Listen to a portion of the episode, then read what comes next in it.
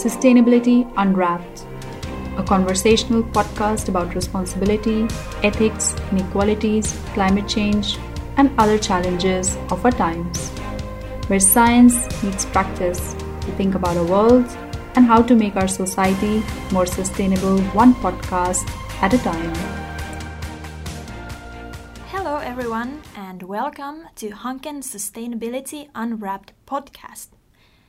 In today's episode, we are delving into the fascinating world of fashion. We are exploring the fashion industry from the perspective of, of sustainability and intellectual property. My name is Heidi Härkönen, and I'm gonna be your hostess for today. First, a few words about my background and my background regarding sustainability, fashion, and IP. I am a lawyer and doctoral researcher at University of Lapland, and my research focus is on the optimal intellectual property environment for the fashion industry, especially from the sustainability perspective. In today's, we have a guest in the studio. We have Anna-Riina Ruokamo, and Anna-Riina is a true fashion and sustainability expert. Anna-Riina is a clothing designer with the expertise of sustainable design strategies and sustainable issues of the fashion industry. Welcome, Anna-Riina. Thank you, Heidi. Now, first, Anna-Riina, um, would you tell us a little bit about yourself? Your education and occupation, perhaps also a few words about your your work history, you have done some very interesting and remarkable job when it comes to a certain Finnish brand's sustainability issues. Thank you, Heidi. Yeah, I've studied uh, clothing design and graduated from uh, University of Lapland. I'm a Master of Arts. And uh, currently, I'm working as a research and uh, development and innovation specialist in the Lab University of Applied Sciences in the Institute of uh, Design and Fine Arts. Um, I'm working in several projects dealing with circular economy and circular design. Uh, for example, in Kisu project, we are researching uh, recyclability, and uh, also I work in Telaketju project, where we are aiming to build um, business through circular economy of textiles. And uh, also, I do part time teaching in Lab University Applied Sciences, and I have taught sustainable design and sustainable fashion for four years now.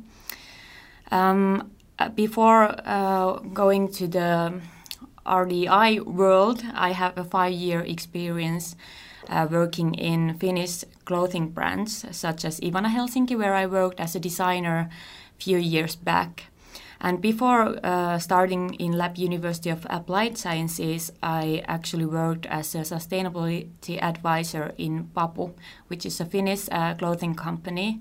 And I actually had a big role in there uh, when we were uh, starting the sustainability reporting of Papu. And we succeeded quite well in this rank brand uh, comparison in the years uh, 2019 and also in this year 2020. Yeah, and in 2019 you were actually the best of Finnish brands in this yeah. Rank a Brand yeah. competition we succeeded very, very well at the time. Yeah, yeah really good work. Uh, wow, that was um, really nice to hear. You have an exciting work and educational history. Um, in today's podcast, um, our intention is to talk about sustainability in the fashion industry and involve some intellectual property law perspective there also. Well, you might wonder as a listener um, what has sustainability got to do with intellectual property law, especially in the context of the fashion industry. And I thought that I could, as a legal expert, briefly introduce this background first.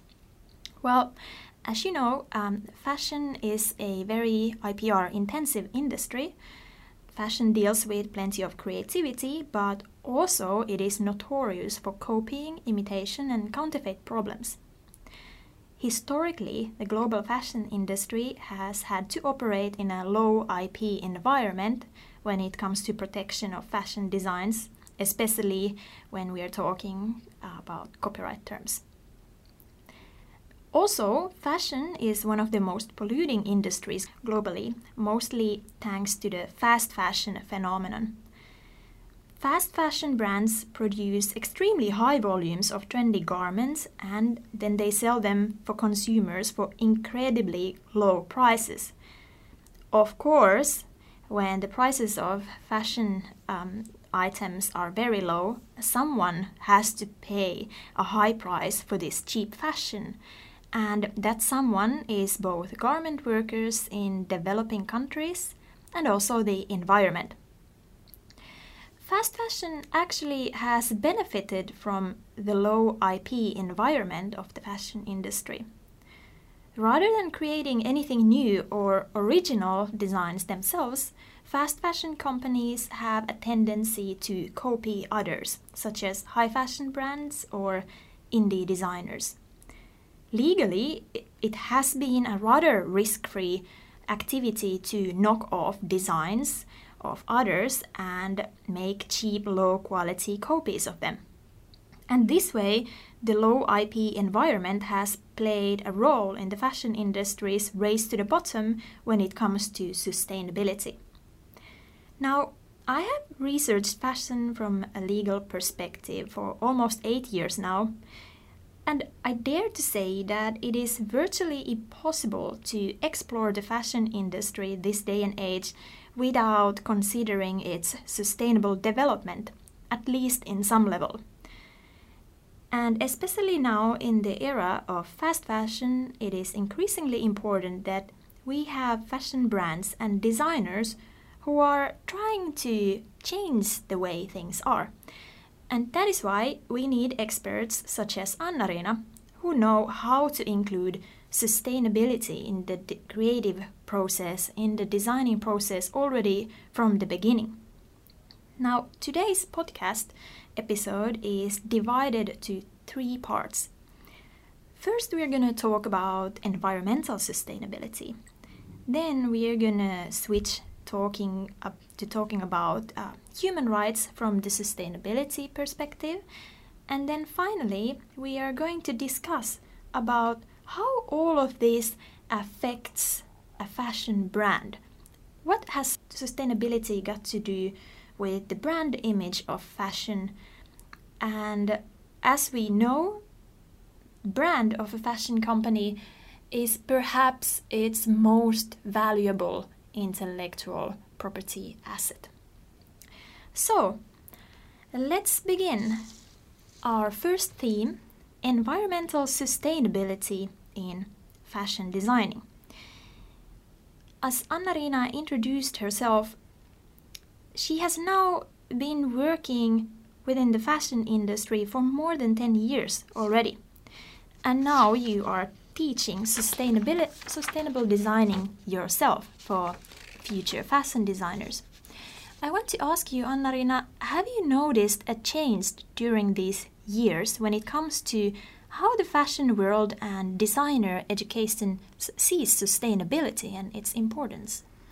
Uh, yeah, definitely. I would even say that the change is remarkable, and I, I can only wish that I would have had such courses about sustainability when I started to study in 2009. Uh, for example, at lab, uh, sustainability is the starting point in every design task that I'm giving to my students.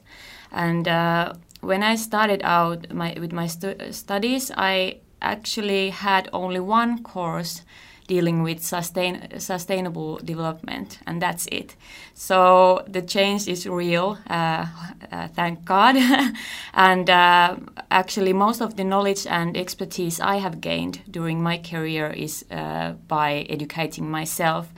So um, it was uh, in the beginning of my studies when I started to questioning questioning this industry, and I was struggling with the fact that um, actually I, my future job will be designing new items to the world that only, uh, already then was drowning into textile waste. So um, that kind of started my journey towards sustainability, and uh, I started to find out alternative ways to work in this complex industry. And luckily, I have found those ways as well. And uh, uh, I need to say that the atmosphere has changed totally within the whole fashion industry. Uh, I wouldn't consider sustainability as a trend because it is more like a long-term commitment. But still, uh, I uh, every sector in this industry are now nowadays aware of sustainability somehow, and uh, that is do- totally different uh, today as it was in in uh, ten years ago. But unfortunately, this doesn't guarantee that the, that the industry works in sustainability sustainable ways. So we have a lot of work still uh, ahead. Wow, that's really interesting. And actually, I have a similar experience. Before going to law school, I actually studied fashion designing in the same program where Anna, graduated from, so University of Lapland, Faculty of Arts and Design. But well, I only studied one year and I never got any kind of a degree from there. But well, I can't remember that 2007, 2008 there would have been really any talk about sustainability. And, well, I didn't consider sustainability issues myself back then either. Mm, so it's really good to hear that this is changing in the education. How about after education, when a fashion designer is already working in the industry? In what kind of concrete ways can an individual designer take sustainability into account in their designing process? And what are the key challenges related to this? I would say that the most important thing is uh, for a designer is the designing for real need. And uh, that is already a paradox since, since this interest, industry doesn't work like that at the moment. Uh, we are first designing, uh, then producing and selling these garments uh, through careful marketing. And uh, actually, we are rather talking about desire than real needs. And um, we don't need that much stuff, but we desire a lot. And that is the key challenge that we should tackle uh, as designers and also as consumers, I would say. And uh, but of course, there are many practical ways for uh, sustainable designing, and um, we can start, for example, from the material selection. We need to compare uh, different options and uh, find the material that is at the same time um, durable, long-lasting, um, has a, as low environmental impacts as possible, uh, doesn't harm the animals, the people during its processes, and then uh, finally, uh, it ideally it could be also reused, remanufactured, or recycled after its first use. So there are a lot of aspects that the designer need to take on, and that is only about the materials choice of course, when we are talking about the garments, we have a lot of other aspects as well. But um, I need to disappoint you with the fact that uh, this uh, doesn't ha- happen like in general in the industry at the, at the moment. Like uh, we really need to focus on um, sustainable and circular design. Uh, both are important in the in they are important already now, but they should be more important in the future as well. Hmm real needs versus fake needs. Yes. Yeah, the fashion industry really um, makes us believe that we have needs that we actually do not have. People don't need so much, so many garments. I also remember when I studied fashion designing that one topic that we discussed in classes was how to get old people to buy new garments the challenge was that Finnish old people wear their old clothes from the 1980s, for instance, and they don't buy new things. That was treated as a challenge, but now that I think of it, why would they need to buy new clothes if they don't feel like they need them? Why would we or why would the fashion industry need to make them believe that they need new garments? Exactly, and I, I feel like uh, definitely in this industry we should focus on finding new business models uh, because like buying isn't sustainable. Yeah, that's true. It's not um, recycling, repairing, borrowing, things like that. They are way more sustainable. Um, let's move to the topic of intellectual property rights a bit. Now, we've been talking about fashion education I want to ask you are um, intellectual property rights currently taught to fashion design students nowadays? And did you, for example, receive any IPR education when you were studying fashion designing? I remember that I didn't, but how about you? Uh, I remember that I've had some maybe few hour session about IPR in product design during my studies, maybe in the second second uh, grade or something. But um, that's it. Like uh, we didn't have that, and we uh, we weren't discussing about it. Uh, like at all, I would say, mm-hmm. and uh, I assume that nowadays nowadays it isn't uh, different. Um, I think it isn't taught to students nowadays either. Do you remember if you talked about, for instance, copyright or design rights or trademark rights? For instance, did you discuss uh, about this um, problematic situation that the fashion designs have in the copyright context that they are not necessarily always protected by copyright because of the high threshold of originality? I don't remember like much about it. Like I just remember that we had this uh, some kind of session, but maybe like uh, like the end, like the um, I feel like it is just like very hard to understand mm-hmm. like all these copyright issues and everything and I, I, think that these are something that we as designers we don't even know like what are our rights Okay, yeah, well, that actually leads me to my next question. I wanted to ask you do you know if young fashion designers or fashion design students even know about their intellectual property rights when it comes to their creative work? And if they do, are they willing to enforce these rights against someone who copies them?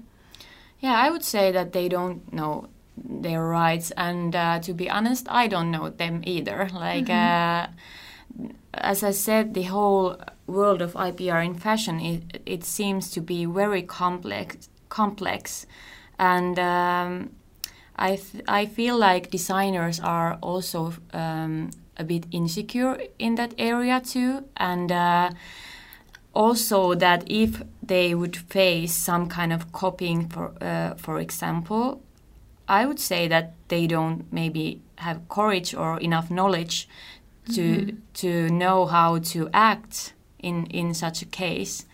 Like uh, it's just very hard for us designers to understand, and we don't talk about it uh, enough. Mm-hmm, yeah, um, but yeah, that that sounds yeah very very likely. I mean, even for lawyers and researchers the IP environment in the fashion industry is extremely complex. It's co- very complex to me even, and I mean I've been researching that for for five years now. Uh, no, way more. Well, anyway, and then I've also I've heard um, or I've read research that uh, states that there are some kind of um, social norms in the fashion industry that prevent, for instance, young um, startup designers from suing, for instance, big fashion companies, even if they notice that they have been copying them, that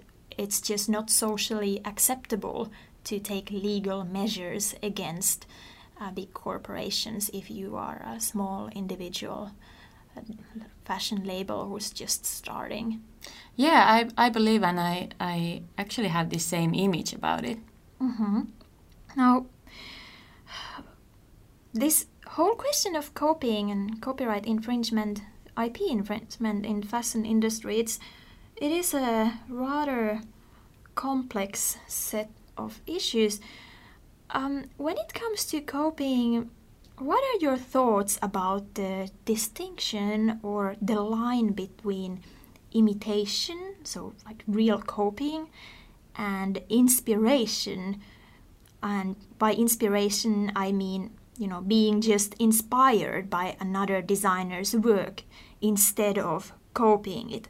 As we know, trends work in a way that uh, different designers might have similar looking items in their in their um, collections at the same time but so it might be difficult to distinguish whether it's imitation or or just innovation. So how about you Anna-Riina? Do you think it's easy or difficult to draw a line between these two actions um, I find this question very tricky because in the fashion in- industry, uh, this inspiration happens a lot. And uh, in the era of uh, social media and especially uh, Pinterest, to be more exact, uh, there is a very thin line between uh, inspiration and imitation, and I would say that many designers don't even know if they are uh, like inspiring about something or just uh, like uh, doing imitation, and um,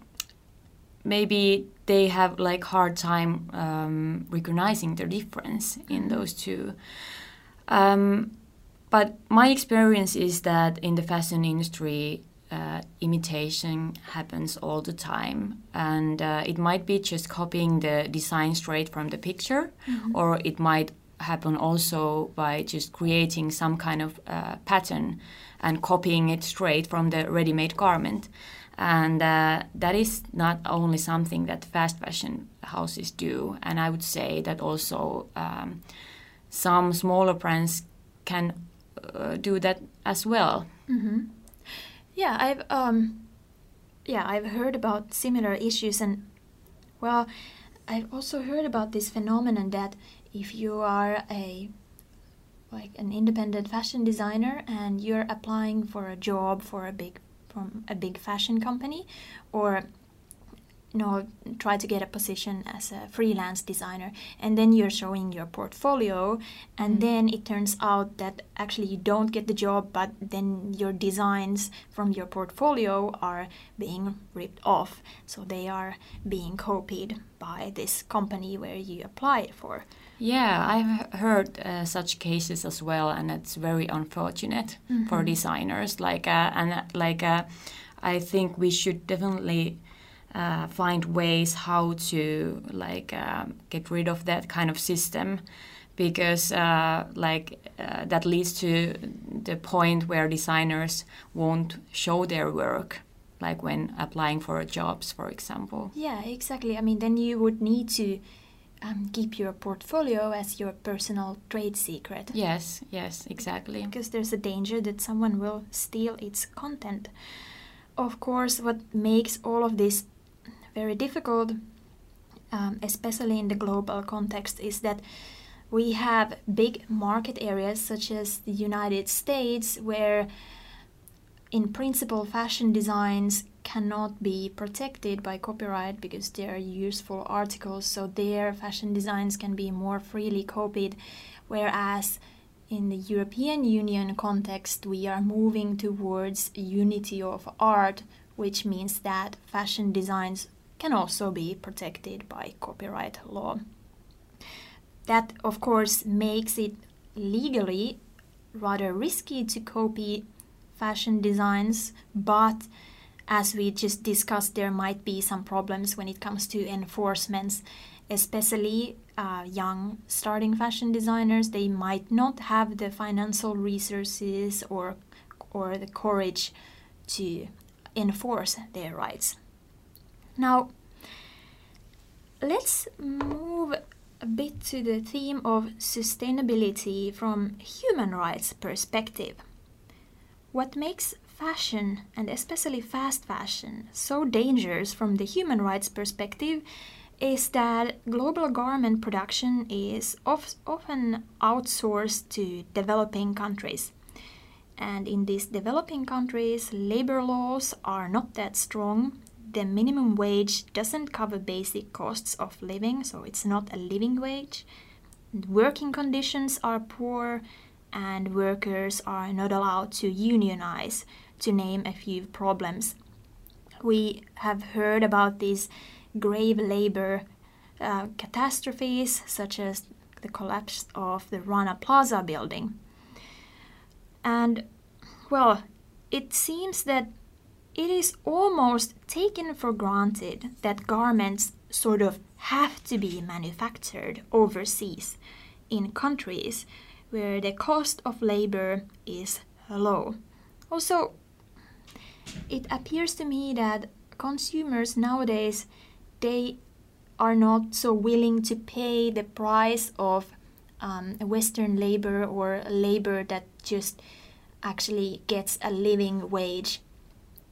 Um, there's a race to the bottom among certain fashion companies. Anna-Riina, are there any alternative ways of garment manufacturing?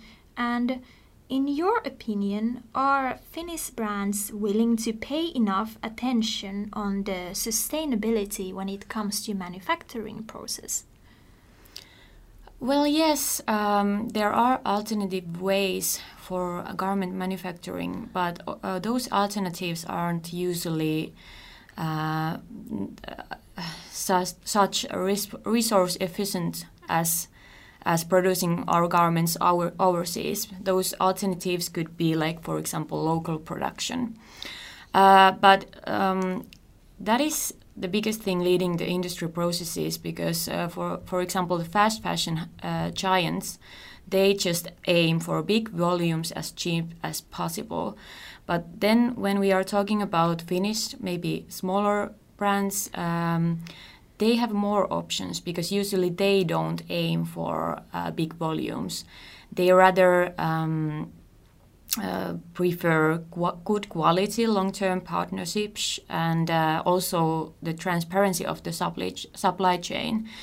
Uh, that is more likely uh, more important to the small smaller brands than they are for big fashion giants. And uh, yeah, so they have kind of like uh, options, but of course, like we are still talking about um, very complex and complicated supply chains, very long supply chains in the fashion industry. Hmm. Also, one challenge that comes to my mind is well, I, I talked to a CEO of a Finnish um, fashion brand that manufactures uh, bags and other leather goods. And she told me that they actually wanted to manufacture their products in Finland, but they faced the problem that there just wasn't a factory in Finland that was able to do what they wanted to manufacture. So there just wasn't resources for it. I also found that that quite interesting that that just it, it's not always possible to manufacture in Finland, even though a brand would want to. Yeah, it is uh, like uh, the situation is like that, and it's like uh, it doesn't consider only the accessories. It is uh, for the garments as mm -hmm. well. Like we don't have fa factories that have like the capacity of uh, like producing such amounts of uh, garments that we need. Even though the like the volumes are very that like so much lower than with the big fashion giants, then uh, still like we don't have uh, like factories for, for example, middle-sized companies mm-hmm. needs. Right. Um, well, is it possible for an individual designer or a, a small fashion label to make manufacturing of garments more fair so that there wouldn't be a risk risks of exploitation, or at least not as high risks of exploitation. Is it even possible this day and age? Well, uh, the most effective ways uh, for transparency and transparent supply chain is to keep it uh, as short and uh, as simple as possible. But how to do that, I don't actually know because uh, even even if we would have a brand that is manufacturing the, their garments in Finland, for example, uh, for example, cotton garments, uh, then the fabrics is are coming always elsewhere, mm-hmm. and so the um, cotton fabric might uh, be produced in Italy, for example. But then uh, when we then we need to go back to the yarn and fiber production that might happen elsewhere. And then when we are talking about the origin of the cotton that is harvested and collected. Uh, most likely from the other side of the globe, mm-hmm. then we have such a like long uh, supply chain, even though the brand is manufacturing in Finland. So uh, that is like uh, the real problem in this industry, and I don't know how to ta- tackle it. But uh, luckily, we have some uh, bright p- future options here in Finland as well, because maybe in the near future we can actually collect our old clothes, then uh, recycle and remanufacture them into new um, new garments, and maybe this can be done locally like totally locally. So, uh, of course, in this case, we wouldn't know the origin of the first garment, but mm-hmm. then we would need uh, really uh, know the origin, like the whole process of the recycled garments. So maybe that is our future in the Finland in Finland as well. Yeah, that would be true circular economy also. And well, you mentioned cotton. That indeed is a very tricky question cotton has it even has this this uh, brand of a eco-friendly fiber because it's a natural fiber and for instance in the in the early 90s the fashion industry exploited this image of cotton as an eco-friendly fiber in this uh, eco-chic fashion trend that was popular in the 90s it involved natural fibers and this natural look, but that was a marketing trick only. The garments were still made rather unethically, and well, cotton it it um, the manufacturing of cotton it requires massive amounts of water and also farmland that could be used for for um, food production um, but it's not. So, uh, yeah, it, cotton is it's a very tricky fiber. Also, nowadays, uh, the fashion media has talked a lot about cotton that originates from Xinjiang, China, where forced labor of the Uyghur minority is used. And virtually well, I mean, it has been estimated that virtually every fashion brand almost in the world is somehow connected to um, to cotton that comes from Uyghur areas and uh, forced labor of Uyghurs. Now, let's move to our third topic, which is sustainability and its effect on the value of a fashion brand. Well, in today's world, uh, where we talk a lot about fashion and sustainability, it is of course an asset for a company if it if it can declare that it is sustainable. However, the word sustainable itself it doesn't really mean anything and it is often used in a very misleading way. A phenomena, phenomenon called greenwashing refers to a brand that is pretending to be more sustainable than it is by, uh, for example, using sustainability related terms in its marketing. One example of greenwashing is a fast fashion brand that sometimes introduces these so called sustainable collections that are made of so called eco friendly materials such as recycled polyester or organic cotton. However, as long as a fashion, fast fashion brand continues to produce as many collections per year as it does, and now we are talking about dozens of collections per year with weekly or even daily refreshments, it is not it cannot be sustainable. It's just impossible. Hence, for a brand like this to claim that they care about sustainability because they have one sustainable organic cotton collection every year is pure misleading of con- consumers. Um, for example, the Norwegian Consumer Authority declared that the fast fashion giant H&M is making false claims that play on environment, environmental emotions of consumers. And this consumer authority in Norway concluded that H&M's conscious collection advertising is misleading and that it actually violates Norway's marketing laws.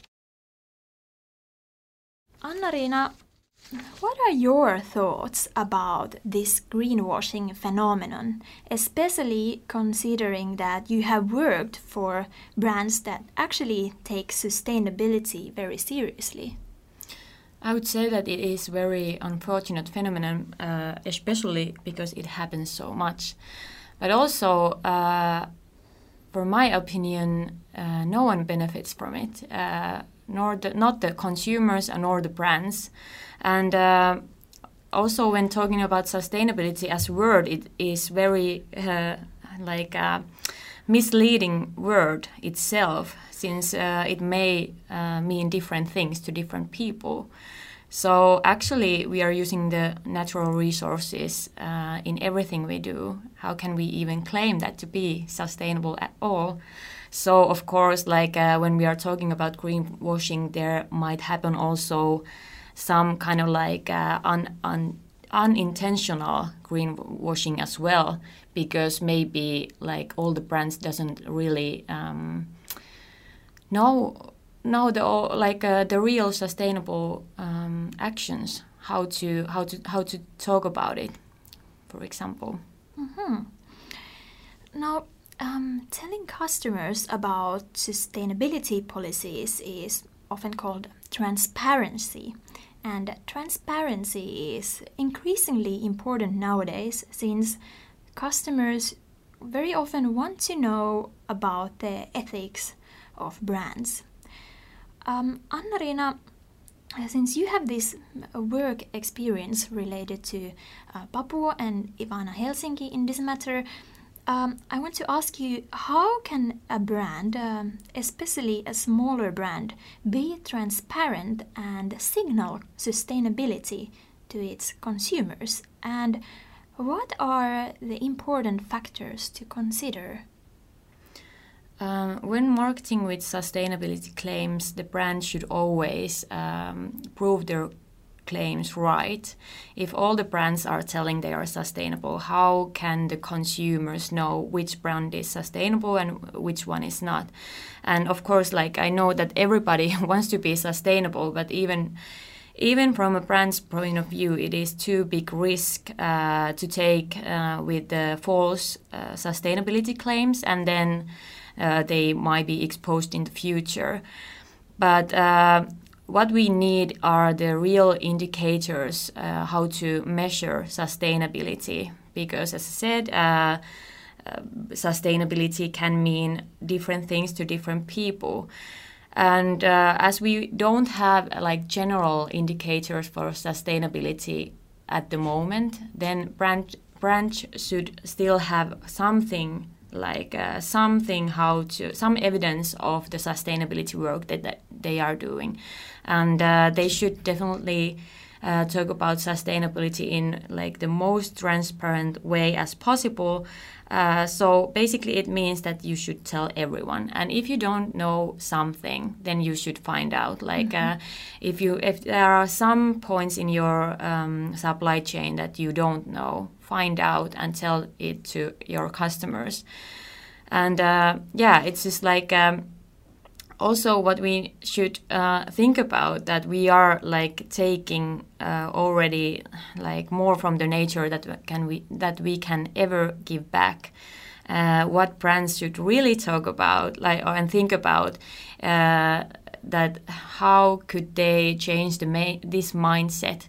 Like um, could the brands could the brands um, uh, create whole new business models uh, like uh, like um, for example like uh, so that everything doesn't need to be like we are just selling as much stuff as possible so that is the real sustainability in my opinion that you are actually recreating your brand mm-hmm. to be more sustainable yeah I, I agree and this is especially important in the fast fashion context and when it comes to these fast fashion companies that um, claim that they care about sustainability, if they honestly did, if, if they honestly would claim about uh, care about sustainability, they wouldn't be fast fashion brands. They would reinvent their business strategy completely sometimes um, you read these news about brands who are failing to be open about their sustainability policy and the measures that they in order the measures that they take in order to protect the environment and not to violate human rights. This causes quite a lot of bad will um, for example, Eetti's Rank a Brand survey in 2019 and 2020 has shown that not all Finnish fashion brands care about sustainability that much. Now, I'm not gonna name and shame here any of those brands who did not do well in these surveys, but I am saying that as a consumer, I will never forget which brands got the lowest source scores in this service. Hence, ignoring sustainability and transparency might have damaging effects for the brand's reputations. And consumers, well, they don't forget if your brand's reputation is ruined, especially if you give false promises about sustainability. Anna-Riina, what are your thoughts about this? What kind of effects can sustainability or the lack of sustainability have on a brand's image? Well, Eetti's Rank a Brand really has shown the power of sustainability reporting as a marketing tool as well. Because, like, uh, we always need to remember that this uh, survey was done by um, uh, researching uh, companies' uh, sustainability claims and sustainability mm-hmm. reporting. And uh, at like um, in fact, uh, when Eetti was ranking Papu at the first time, Papu got the uh, like lowest scores in the beginning, mm-hmm. but then Eetti gave us time to like uh, update the information to our website, and then Papu got the like the most highest uh, scores compared mm-hmm. the other to to the other Finnish brands that were in the comparison as well. So it was more about that um, we didn't uh, change anything in our actions uh, in Papu mm-hmm. during that uh, survey, but we just updated the information, and that was a good lesson for us uh, as a company to to real like realize that yes you definitely need to have those indicators and mm-hmm. those some kind of evidence how to prove your sustainability claims and that was the different difference that uh, Papu succeeded to, succeeded to do in that comparison but of course, uh, this um, Rank a Brand method isn't the flawless tool, um, but I, I really think that it has given very good uh, like basic guidelines for companies to start their sustain- sustainability reporting and uh, as we can like compare the results during like uh, from 2019 and 2020 uh, many brands uh, really improved Yeah. their uh, like um, uh, scores in this in this survey There was significant improving Yes. When it came to almost every brands. Well, then there was this one brand who didn't report anything in 2019 or 2020 and uh, was the worst brand in the survey. That's And that is a shame because, That because is really a I shame. I believe that there is still something good that they Mm-hmm. do, do, and if they don't, they should really like um, start looking their business in a Yeah. new way and uh, like check out their strategy.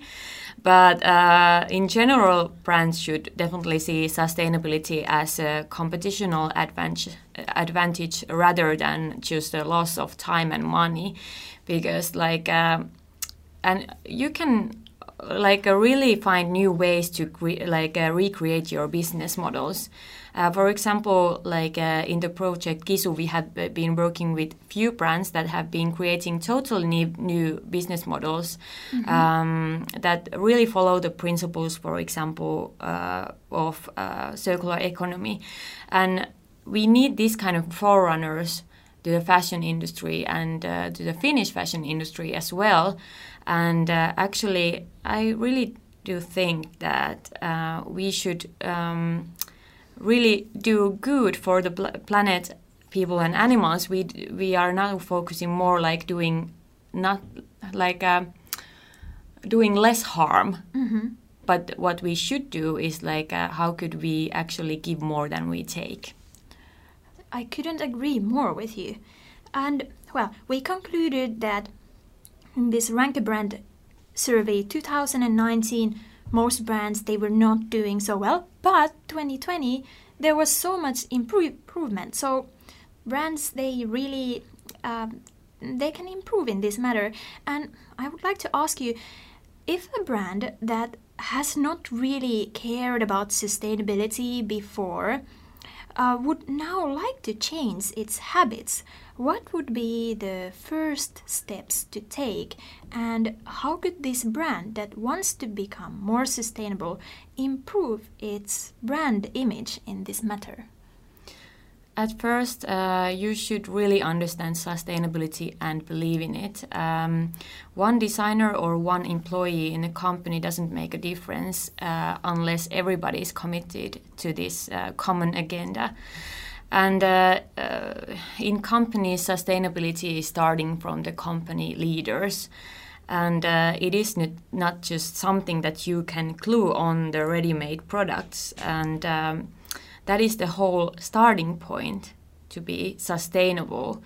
And uh, in such companies where sustainability has never been the key point, the company really needs to reset and uh, recreate a new uh, strategy to follow.